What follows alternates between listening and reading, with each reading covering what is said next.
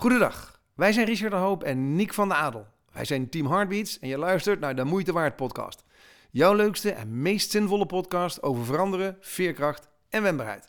Deze week bij mij in de uitzending en niemand minder dan Glenn Vergozen. En ik heb al twee keer de eer mogen hebben om bij hem in eh, zijn podcast over spreken gesproken podcast te mogen zijn. Samen met, uh, met Richard ook onlangs.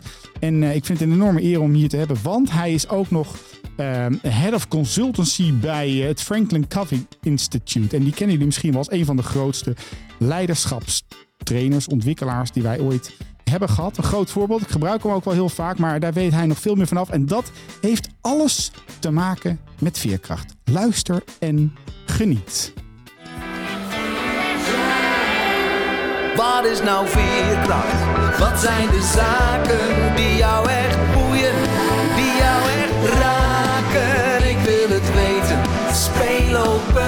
kaart. Wat is voor jou, voor jou, voor jou de moeite waard? Ja, Glenn, ik vind het zo leuk om je een keertje hier in de podcast te hebben. Ja, wat leuk om nu aan deze kant van de tafel te zitten. Ja, dit is eigenlijk alleen maar andersom geweest. Hè? Ja. En dan was jij degene die de intro in moest spreken en mij moest introduceren. En ik heb het, ik heb het maar heel kort gedaan. Maar we doen deze totaal improvisorisch. We Ja. hebben bijzonder weinig voorbereid. en, en ik denk dat uh, dat juist misschien wel eens een goed geval. Ik heb namelijk wel eens het idee dat ik te veel voorbereid met mensen. Oké. En dat je heel veel mooie dingen eigenlijk al hebt gezegd. En denk, oh shit, ik had eigenlijk nu die microfoon aan moeten hebben. Heb je dat wel eens Ah, ja, ik heb dat met die voorbesprekingen inderdaad. Dat Ja. zegt, laten we eerst even praten waar we het over hebben. En dan, deed je, dan ben je ineens een uur verder. Dan denk je, dat oh shit, als we nu op record hadden gedrukt, hadden we een fantastische Ja, aflevering gehad. Ja, en we waren eigenlijk iets heel anders aan het doen vandaag. En toen dacht ik, nee, ik trek je toch nog even achter de microfoon. Want ik bedacht me in één keer, jij bent op dagelijkse basis bezig met, eh, nou ja, met leiders, met medewerkers, met je eigen medewerkers ook nog eens een keertje. Want je mag de hut daar nu aansturen, alle trainers in ieder geval. hè. Eh, met de ontwikkeling van mensen. Ja. En toen dacht ik, ja, maar wacht even, persoonlijke ontwikkeling en leiderschap, dat heeft geloof ik ongelooflijk veel te maken met ook je vermogen om om te gaan met als het leven je eens een keertje wat tegengas geeft. Ja. Eh, of is dat een aanname die totaal nergens op gebaseerd is? Nee, ik denk dat jij helemaal gelijk hebt, eh, meneer Van den Adel. Dat als het gaat over leiderschap, dat dat gaat over invloed. En dat gaat dus over het beïnvloeden van jezelf. Als het gaat over persoonlijk leiderschap. Ja. Dat gaat over het beïnvloeden van een team of organisatie. Als het gaat over formeel leiderschap. Maar goed, jij kan wel allerlei dingen willen. Eh, het leven wilt misschien ook wel wat terug. Dus op het moment dat jouw verwachting niet rijmt met de realiteit. Ja, ik denk dat in dat vacuüm eh, het goud ligt voor het, een effectieve leider of een ineffectieve leider. Mooi. En, en we vallen, eh, zoals vaak bij ons gebeurt, gelijk met de deur in huis. Ehm, want we gaan gelijk lekker die, die, die inhoud in. Voor jou, lieve luisteraar, zou het zomaar kunnen zijn dat dit een redelijk chaotische uitzending wordt. Waar Glenn en ik van links naar rechts gaan. Want dat doen we namelijk altijd. Ehm, maar we, we leven ook wel, en ik ben dus nieuwsgierig in hoeverre jij dat meemaakt, ook wel in training. We leven ook wel in een, in een bijzondere tijd waarin er een hoop gebeurt. Hè? De- dus het leven gaat snel, er verandert een hoop. Er zitten nogal wat nou ja, crisissen, veranderingen of transformaties om ons heen. Ja. Ehm, heeft dat nou een, eh, speelt het een rol überhaupt in de opleidingen die jullie geven? Of zeg je van nou, dat maakt helemaal niks uit eh, in welke tijd je zit of hoe het met je gaat. Je kan altijd bezig gaan met je eigen persoonlijke ontwikkeling. Of zeg je nee, mensen komen juist heel vaak omdat ze iets hebben meegemaakt wat ze even heeft tegengezeten of, ehm, of hoeft dat niet? Nou, wat wij bij Frank Coffee eh, richten we ons op, op organisaties. Ja. Hè, dus wij streven naar het meest betrouwbare leiderschapsbedrijf te zijn ter wereld. Dus wij ontwikkelen leiders binnen een organisatie. Eh, en dat betekent dus dat mensen niet zozeer bij ons langskomen voor een, een enkele training. Maar dat wij werken met HR-directeuren die, die een partner zoeken voor leren en ontwikkelen eh, van leiders binnen alle niveaus. Ja, en dan is als we kijken naar de afgelopen jaren, ja, dan, dan, dan is er geen enkele organisatie die geen verandering heeft ervaren. Of dat nou komt door eh, corona, of dat nou komt door eh, de inflatie, of dat nou komt door eh, reorganisaties, medewerkers die kampen met stress en burn-out klachten. Nou, ik, ik kom nergens waar men geen uitdagingen ziet op dat niveau. En, en wat is dan, ehm, kijk, voor, degene die nu luistert en denkt, hey, ken ik die Franklin Covey niet ergens van? Nou, dan hebben jullie de, de zes, zeven pijlers, moet ik wel zeggen. Zijn het pijlers? Nee, zijn het... De zeven De eigenschappen zeven- bedoel je? ja, ja, eigenschappen, dat is het goede woord. Ja, ik, misschien goed om te weten. Een van de oprichters van Frank Covey is Stephen Covey. Ja. En Stephen Covey is natuurlijk de welbekende auteur van de zeven eigenschappen van effectief leiderschap. En dat wordt een beetje gezien als een soort van zelfontwikkelingsbijbel voor sommige mensen. Hè. Dat is een enorm bekend boek, eh, wat meer dan 30 jaar eh, geleden is uitgebracht. Eh, ja, dat, dat vormt nog steeds een beetje de- de fundament van onze organisatie. Dan is de volgende vraag, hoe de is Franklin? Want die man heette toch Stephen Covey? Ja. Ja. Nou, er was een ander bedrijf, Franklin Quest. Die focust zich vooral op time management. En die zijn in de jaren 90 gefuseerd met Covey Leadership Instituut. Dat je dus weet dat Franklin Covey wel degelijk van Stephen Covey is. Maar dat die Franklin dus een ander eh, bedrijf was die er in de jaren 90 bij kwam. Nou, fast forward 2023. We hebben dus nu, het is niet dat we 30 jaar niets hebben gedaan, niet hebben geïnnoveerd of ontwikkeld. Dus ook wij hebben, ja, Seven Habits is nog steeds een heel belangrijk programma. Maar we Ja. hebben in totaal ongeveer 30 programma's die uiteindelijk eh, organisaties helpen met wat wij zien de vier belangrijkste pijlers eh, voor ontwikkeling binnen een organisatie. Dat is één, leiders. Ja. Twee, de effectiviteit van ieder individu. Drie, een cultuur van inclusiviteit en hoog vertrouwen. En vier, strategie en uitvoering. Dus oftewel, hoe doe je de uitleiding van de visie en de strategie? En hoe zorg je nou voor dat mensen ook ja, datgene doen wat uiteindelijk helpt om, eh, om het doel te bereiken? Hey, en, en als we dan eens bij dat, eh, want ik, ik hoor al een aantal haakjes eh, waar ik nu al nieuwsgierig naar ben, maar laten we eens beginnen bij dat leiderschap. Hè? Dus Ja. stel je bent nu aan het luisteren en je hebt die organisatie die hevig aan verandering onderhevig is. Hè? Waar, waar moet je beginnen? Wat is jouw, wat is je eerste stap? Wat is je, wat is je, je rol die je te spelen hebt? De, dus, dus, eh, want je herkende net dat er zoveel organisaties. Dus waar beginnen mensen dan? Of wat, moeten ze doen? Ja, dan is het goed om onderscheid te maken wat voor soort leider eh, je bent. Dus het kan zijn dat je een eh, projectmanager bent. Dus dan ben je eigenlijk niet echt een manager, maar je bent een soort informeel manager, zou je kunnen zeggen. Ja, Eh. Het kan zijn dat je teamleider bent, dat je verantwoordelijk bent voor een team. Of dat je echt een senior leidinggevende bent of in de directie zit en dus eigenlijk verantwoordelijk bent voor de structuur binnen de organisatie. Waar zou je op willen inzoomen? Nou, ik, ik merk dat, dat ehm, ik, ik vind het, het, het leiding geven, dus laat persoonlijk leiderschap komen zo misschien nog wel even Ja. op, maar het letterlijk leiding geven aan je team of aan je organisatie. Eh, we weten allemaal dat leiderschap een van de grootste eh, eh, nou en belangrijkste invloedssferen ook is bij, een verandering. Wat laat jij zien aan leiderschap, aan de, de hele kudde? Wat laat je zien aan de mensen om je heen? Welke invloed heb je daarop? Ja. Ehm, en ik ben wel eens nieuwsgierig vanuit jullie petje. Dus die organisatie. Nou, kijk bijvoorbeeld nu naar, weet ik veel, kijk naar de zorg, kijk even naar het onderwijs, kijk naar de, de retail. Het gaat enorm snel. Je bent de, de baas van de HEMA of je bent de baas van een ziekenhuis. Eh, en en ja, je hebt financieringsvraagstukken. Eh, je hebt de krapte op de arbeidsmarkt, hoog verloop, hoog verzuim. Ja, wat vraagt dat dan nu van leiderschap? Ja, nou, dat zijn, eh, het zijn een hoop vragen tegelijkertijd. Ja, ben ik goed in kun- altijd. Kunnen, Ja. we- Ja. even over in hebben? één minuutje beantwoorden. precies. Ja. Even snel, Ja. snel- kort en krachtig, Ja. alsjeblieft. Ja, Nou ja, wat, wat- het, het allereerste wat ik persoonlijk, dus als ik het even persoonlijk maak, eh, in mijn, in, als ik trainingen geef en leidinggevende, wat ik heel interessant vind, om het, is om het in eerste instantie te hebben over de perceptie van verandering. Dus ik ben gewoon heel benieuwd, hoe kijkt de leider naar verandering? Vanuit de gedachte, wat de leider waardeert, wordt gewaardeerd door de medewerkers. Dus we zijn een soort copycats. Dat, dat is dus op het moment dat een leider zegt, jij werkt maar een paar avonden door. Eh, ja, als dat de cultuur is, dan, dan gebeurt dat ook sneller. Tot aan de schoensel die mensen dragen. Ik vind het heel grappig als ik ergens in de Van der Valk ben.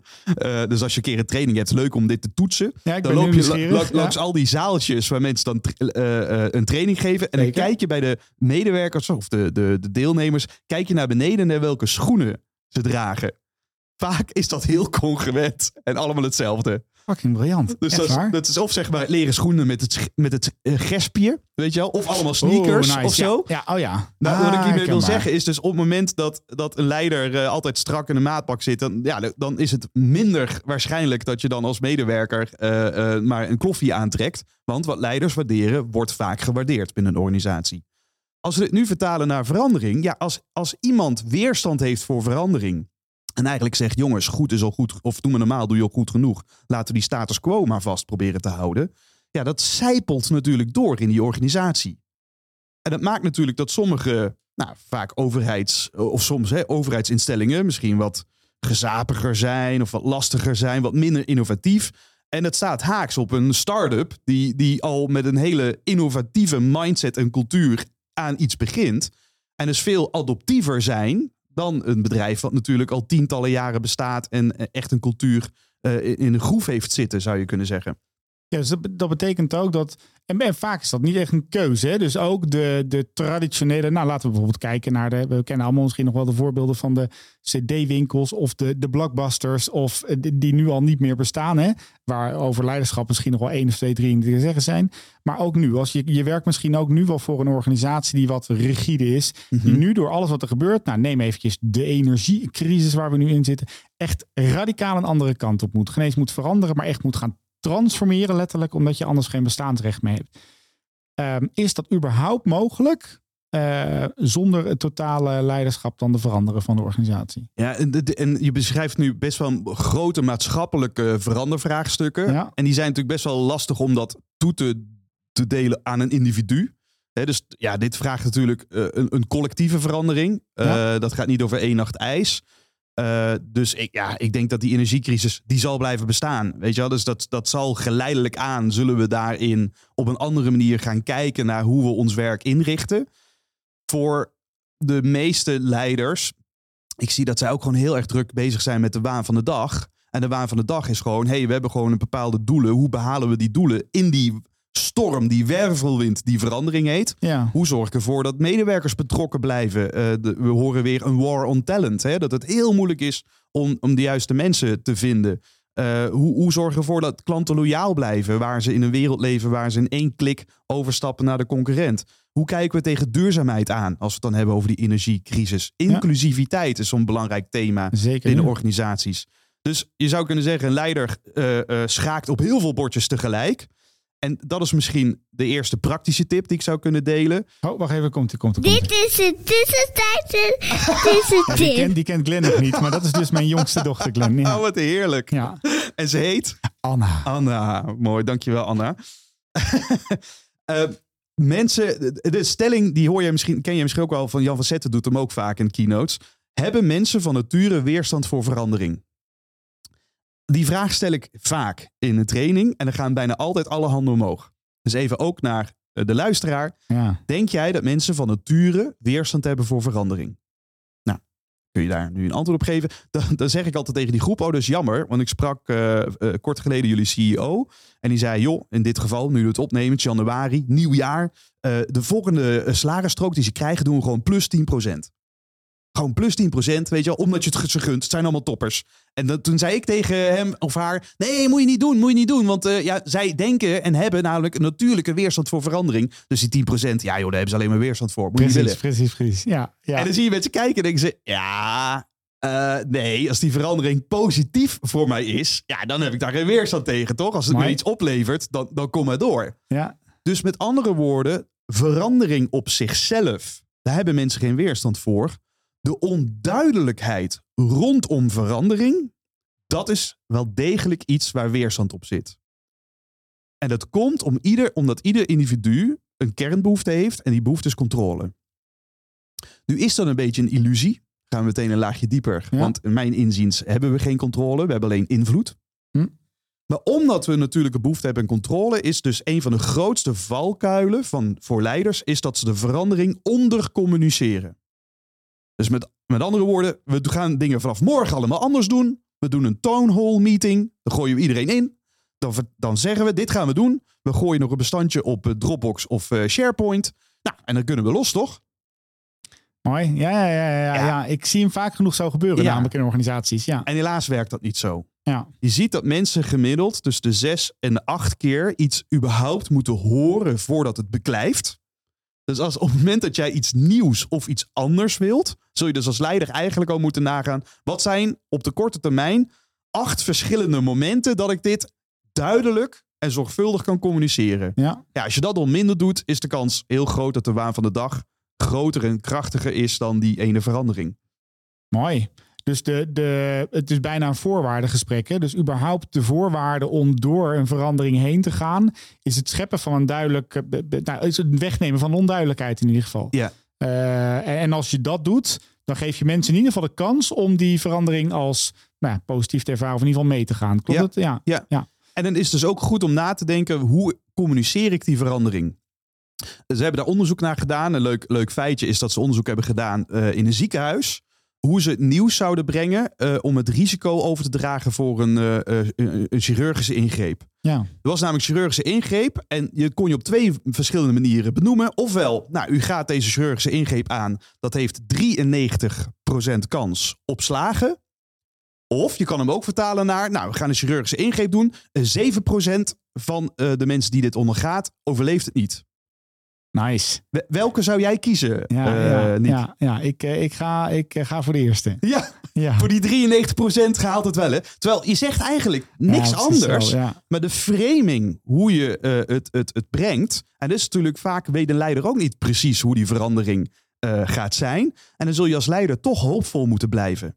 Dat is dus echt een taak voor jou als leider. Ik vond dat mooi, een uitspraak uit de autobiografie van Bob Iger. Eh, die schreef, people don't want to follow pessimistic leaders. Dus of het nou Yes We Can is, of Ja, eh, ja. I Have a Dream, of Let's Make America Great Again, we hoeven er niet in te geloven. Maar al die boodschappen hebben een hoopvol perspectief voor de toekomst. Ja, en ik hoorde je, en dit is leuk, we nemen deze podcast natuurlijk vaak op met Richard De Hoop. En, en die heeft over hoop, hebben we een hele mooie podcast opgenomen. Ik zal het linkje wel in de, in de beschrijving erbij zetten. Eh, maar ik hoor je ook nog een tweede ding zeggen. Vaak weet die leider ook niet precies waar we naartoe gaan. Dus daar zit ook misschien wel een stuk kracht van kwetsbaarheid bijna in. Hè? Is het belangrijk dat, dus we hebben eh, in ieder geval geprobeerd om die verandering te duiden, eh, om de onduidelijkheid weg te nemen. Is het belangrijk dat een leider ook aan kan, ik, al heb je een teampje van vijf, hè, al heb je een teampje van zes, al heb je een organisatie van 300 mensen, dat hij of zij aan kan geven dat hij of zij het ook niet helemaal Hmm. precies weet. Ja, dat is een hele goeie dat je dit aanstipt.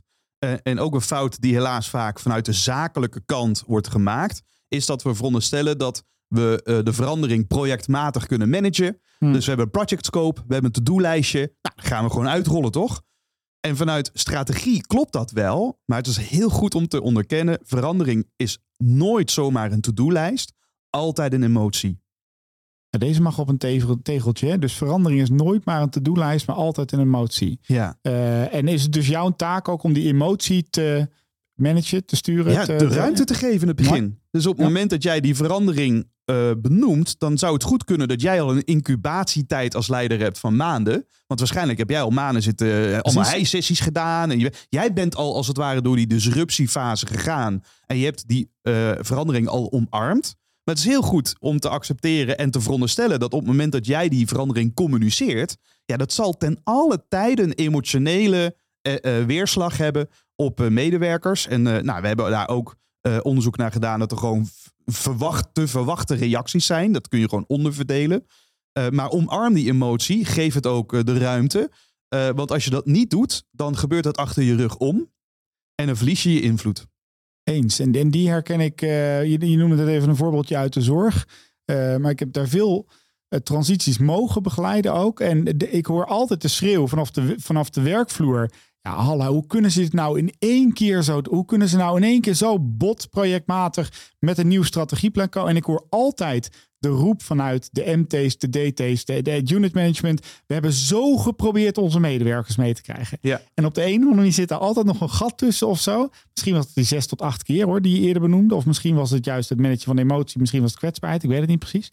Eh, maar er zit altijd een gat tussen. Ja, en de denkfout die vaak wordt gemaakt is op het moment dat jij iets wilt van de ander, dat ik jou moet overtuigen. En overtuigen doen we doorgaans met veel taal en argumenten. Ja, En de plank die we dan misslaan is dat je het snelst de ander beïnvloedt door in plaats van te zenden meer te luisteren. mooi. Die ga ik weer even herhalen. Je, eh, je beïnvloedt de ander het snelst door te zenden in plaats van te luisteren. Andersom, door te luisteren zeggen, ja, in plaats ik- van te zenden. ja, dus met goed, andere ja. woorden, als ik iets van jou gedaan wil krijgen, moet ik minder zenden, moet ik meer naar jou luisteren. Hm. Eh, Stephen Covey benoemt dat in eh The Seven Habits in eigenschap 5. Hè? Eerst begrijpen, dan begrepen worden. Dus mijn invloed groeit als ik eerst luister. Dus op het moment dat ik de kaders heb geschetst en heb gezegd: jongens, we gaan vanaf volgende week iets anders doen, mag ik toch hopen dat ik voorafgaand aan, die, aan dat nieuws met mensen al gesprekken heb gevoerd. Eh, betrokkenheid heb eh, ge- gecreëerd van hey jongens, we zijn dit van plan. Ik ben heel even benieuwd. Zou jij mij advies kunnen geven? echt, iedereen vindt het heerlijk om advies te geven. Dus als leider doe je er goed aan om in aanloop naar dat moment mensen om advies te vragen, dialoog te voeren, luisteren naar de onderstroom. Nou, en betrokkenheid creëert commitment.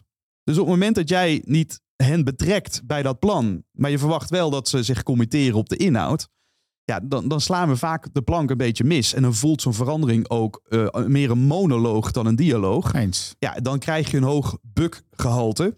Bukken! en dan vliegt het vanzelf wel over. Nou, jij hebt een beetje ervaring in Ja, de zorg. Een ja, van de grootste ja. problemen in de zorg is ook, ja, is dat er ieder Ja. jaar wel weer iets anders wordt bedacht door bestuurders. Ja, en, en medewerkers werken er vaak veel langer dan de leiders. Dus je hebt medewerkers die al twintig jaar voor een bepaalde zorginstelling werken. Die staan met de poot in de klei. Nou, die hebben al zoveel bestuurders en managers meegemaakt. Die denken bukken en dan vliegt het vanzelf wel weer over. Totaal veranderingsmoe. Hè? Ja. Ehm, we hebben net, ehm, en ik met jou geloof ik nog nooit gedeeld, dat uit ons, uit ons veerkrachtonderzoek hebben we de ENPS meegenomen in relatie met veerkracht. Oftewel de Employee Net Promoter Hmm. Score. Voor de mensen die dat niet kennen als je aan het luisteren bent. Hoe enthousiast ben je nou eigenlijk over de plek waar je werkt? Ehm, in relatie tot je vermogen om dus mee te bewegen met de organisatie of welke verandering je dus aangaat. Nou, je ziet dus heel duidelijk dat je hebt promoters, passives en detractors, oftewel de, de blije eitjes, de mensen die voor elke oplossing en problemen, ah nee, andersom, eh, elk probleem een oplossing hebben. Hè, De passievelingen, de grote middengroep en de detractors, de mensen die eigenlijk al zijn eh, vertrokken, of de, de intern gepensioneerden, hè, zoals Ja. Arjen Bannach ze heel mooi eh, wel noemt. Ehm, maar het mooie is wel dat je bij die promoters een explosie ziet in hun veerkracht. Met name ook op, op, op zingeving. Oftewel, ehm, en bij die detractors, die, die willen letterlijk niet meer mee. Maar je ziet ook, jong, op alle vijf pijlers, en we ze vaker benoemd hier in de podcast wel. Eh, de vijf pijlers van je, je vermogen om om te gaan met veranderen. Die dendert niet een beetje, maar die dendert geloof ik met zelfs 40 of 50 procent in elkaar. Als je niet enthousiast meer bent over de plek waar je zit. Ja. En als ik dat ergens merk, is dat wel ook in zorg en onderwijs. Er werken gewoon Hmm. veel te veel mensen op de plek waar ze eigenlijk niet meer hadden moeten werken. Dat is wel een verdrietige constatering, hè? Ja, maar Juist omdat dat omdat het zo belangrijk is. Ze doen zo'n belangrijk en mooi werk. Alleen ja, ja, het kan zijn dat bepaalde lichtpuntjes je ontschoten zijn in het verleden. Eh, als leider krijg ik er wel vaak de vraag, waar richt ik mijn aandacht op?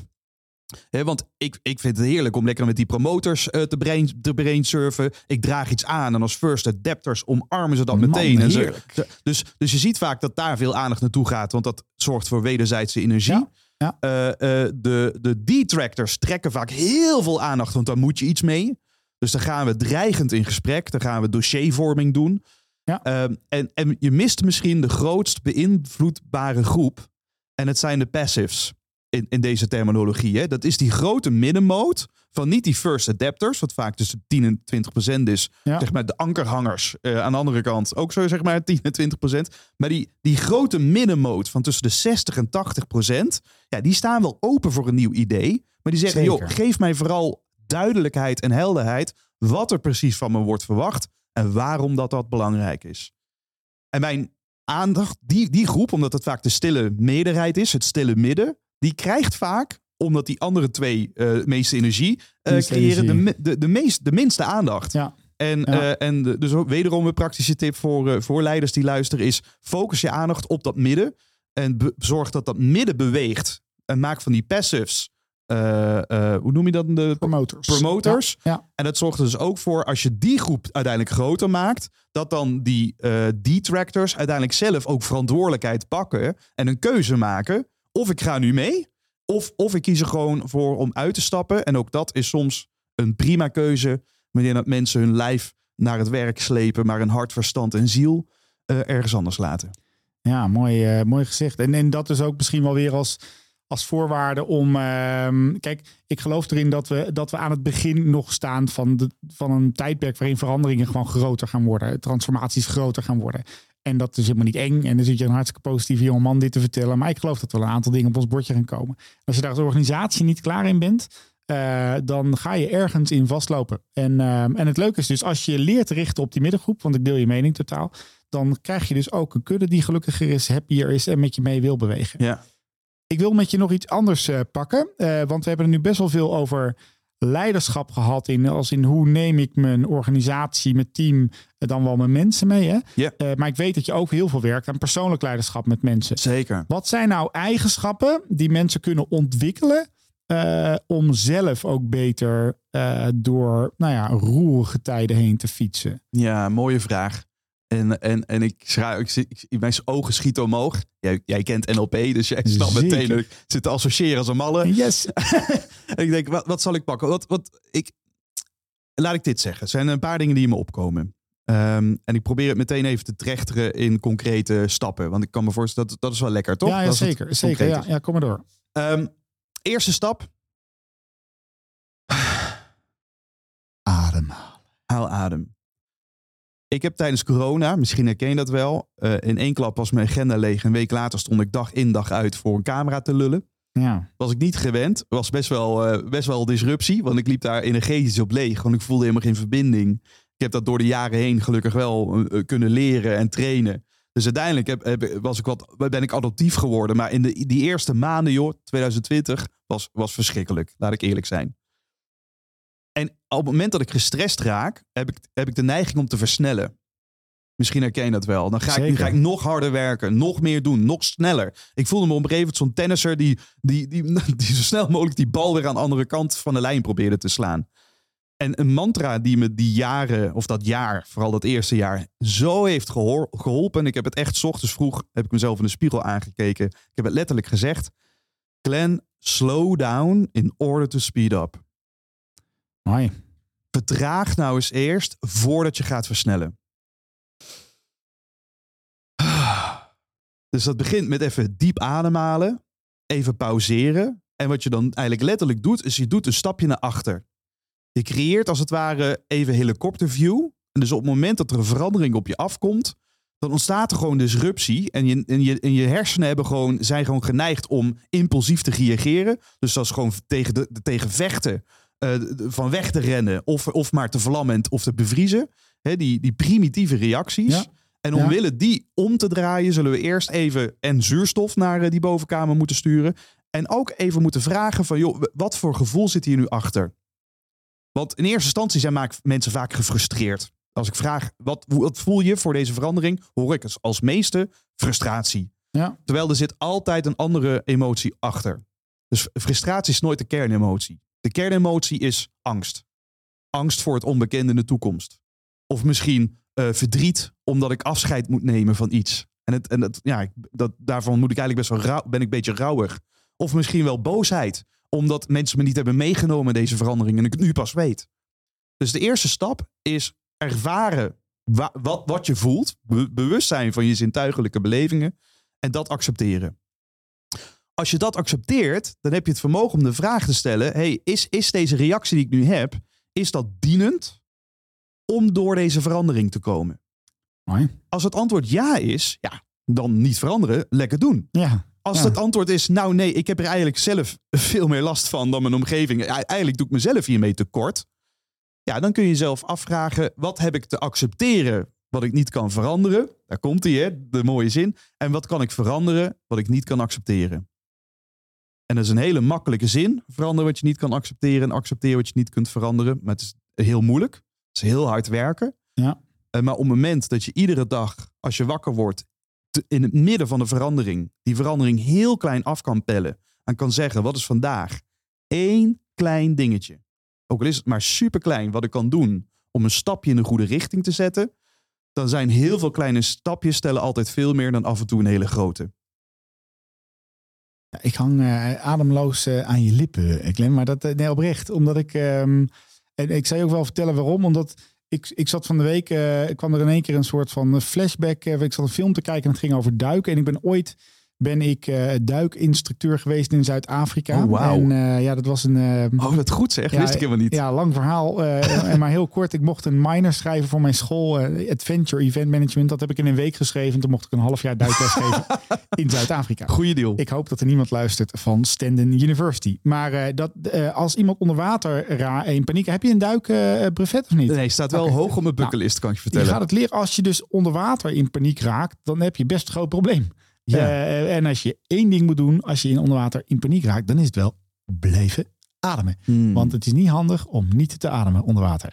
En wat je leert als duikinstructeur is een. Ik heb NAUI gedaan, dus je hebt Paddy en NAUI. Dat was een vier eenheid en dat was stop, breathe, Think, Act. Hmm. En dat werd erin geramd. Niet een klein beetje, maar dat werd in elke inzet. En wat betekende dat nou? Dus je raakt in paniek onder water letterlijk. En het alle, alle, allereerste wat je moet doen is stoppen. Stoppen, letterlijk. Stoppen met alles wat je doet, stoppen.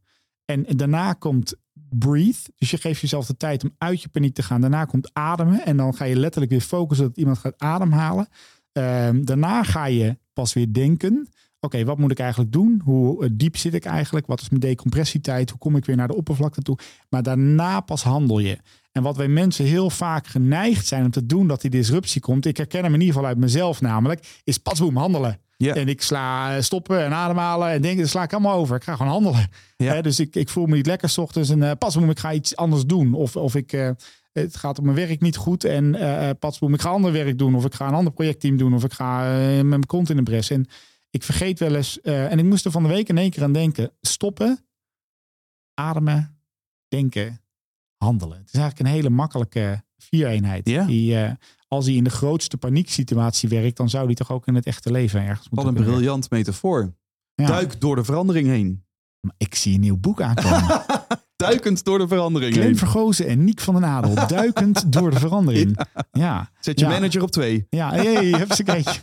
Goeie titel. Maar en jij zei daarna nog iets heel erg moois. En eh, ik denk dat dat ook wel een mooie eh, laatste activatie is. Dat eh, ga dan, neem dan één stapje. Hè. Pak dan een klein stapje en ga daar. want die is te managen, die is te behappen.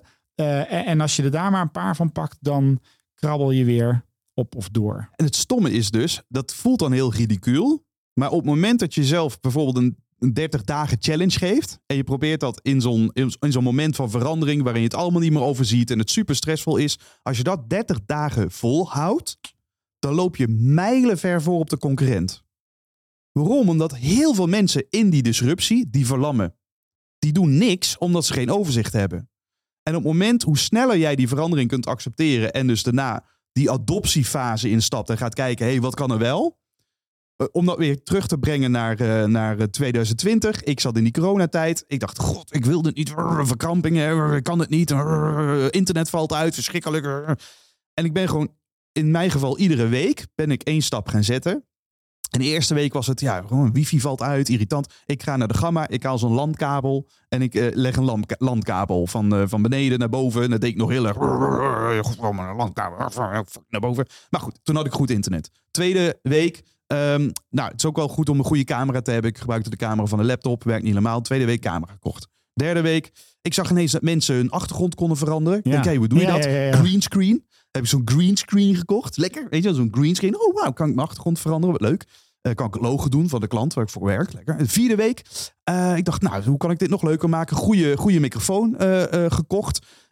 En ik zag Arjen Lubach op tv.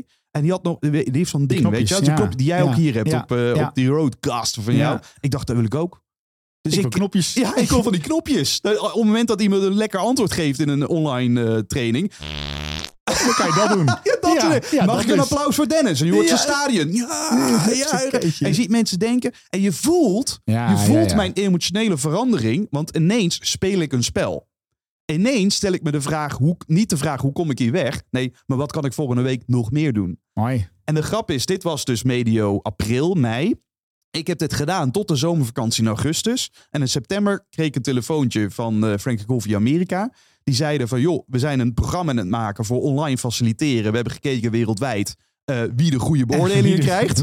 Meneer Vergoosen, zou jij ons even willen vertellen? Zou je ons wat informatie kunnen delen, zodat we dat samen kunnen pakken voor iedereen? Ja, ja, ja. Dus ineens werd baanonzekerheid. Want ik dacht, ik verlies dadelijk mijn baan. Weet je wel, niemand koopt meer een fysieke training. Ineens werd dat omgezet naar een unieke, eh, unique selling point, een unieke bijdrage. En het enige wat ik heb gedaan, is iedere week één stapje zetten. Eén stapje zitten.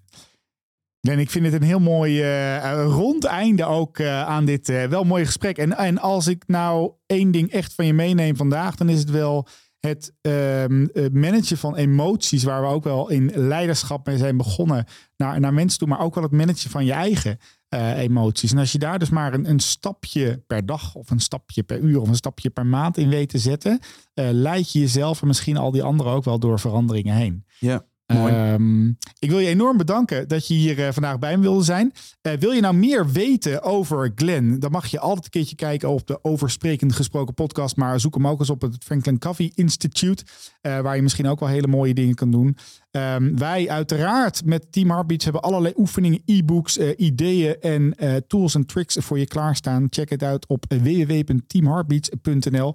En ik hoop je heel graag volgende week weer te horen. Ciao, ciao. Glenn, dankjewel. Dankjewel, Niek.